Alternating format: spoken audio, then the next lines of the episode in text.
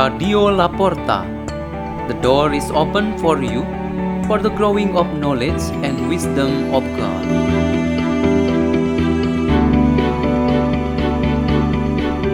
Delivered by Hadi Witanto from St. John Bosco Church, Archdiocese of Jakarta, Indonesia.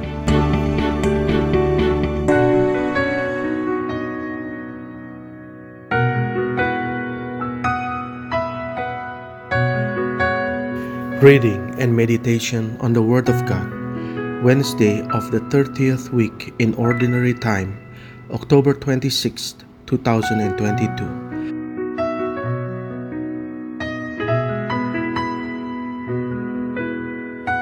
The reading is taken from the Holy Gospel according to Luke.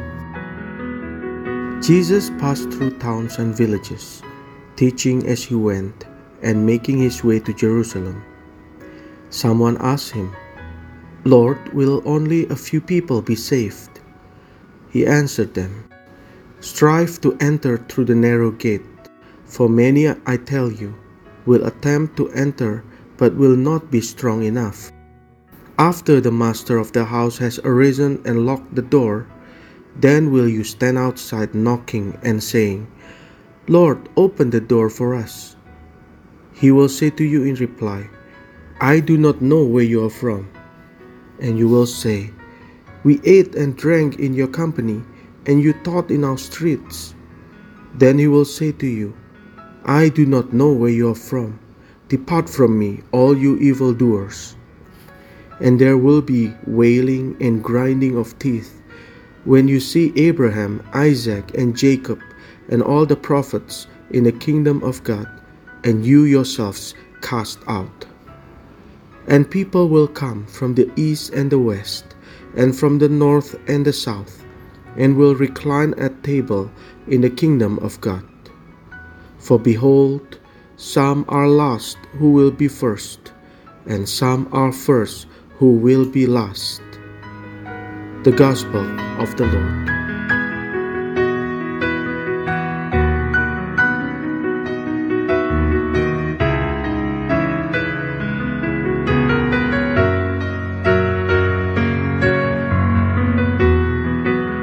The theme for our meditation today is Banquet in the Kingdom of God.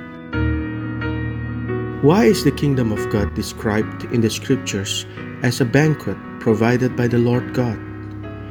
This question was asked by a teenager to the priest after the celebration of the Holy Eucharist.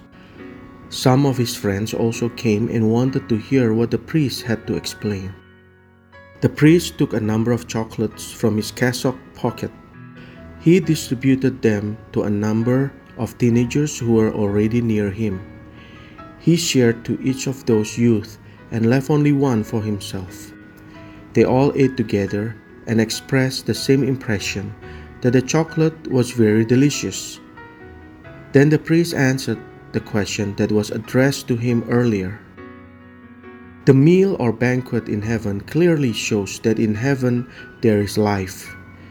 The living beings live there and not the dead ones. For life in eternity, food must be a fundamental element for its activity and existence.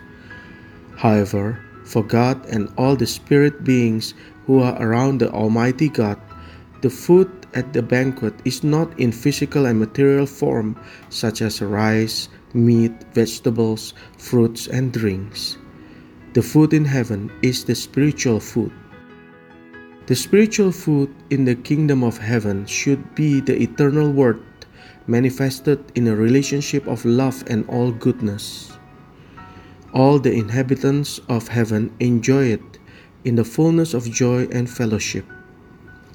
All experience how delicious and precious eternal life is, the dimension of communion of all the souls of believers, and the experience of the abundant banquet for all present are the main features of existence in heaven.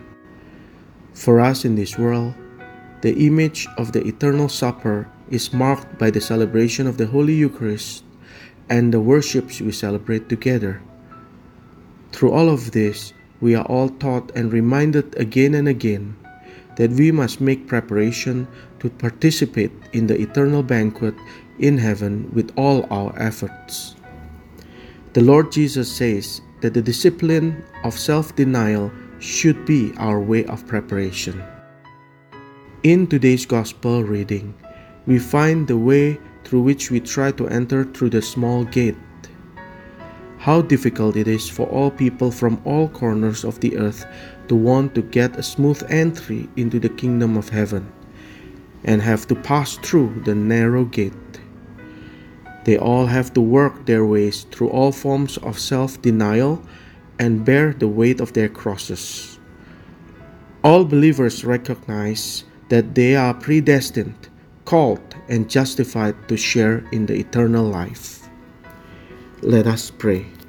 In the name of the Father, and of the Son, and of the Holy Spirit. Amen. O Lord, thank you for choosing us and strengthened our faithfulness to you always. Our Father, who art in heaven, hallowed be thy name. Thy kingdom come, thy will be done on earth as it is in heaven. Give us this day our daily bread, and forgive us our trespasses, as we forgive those who trespass against us. And lead us not into temptation, but deliver us from evil. Amen.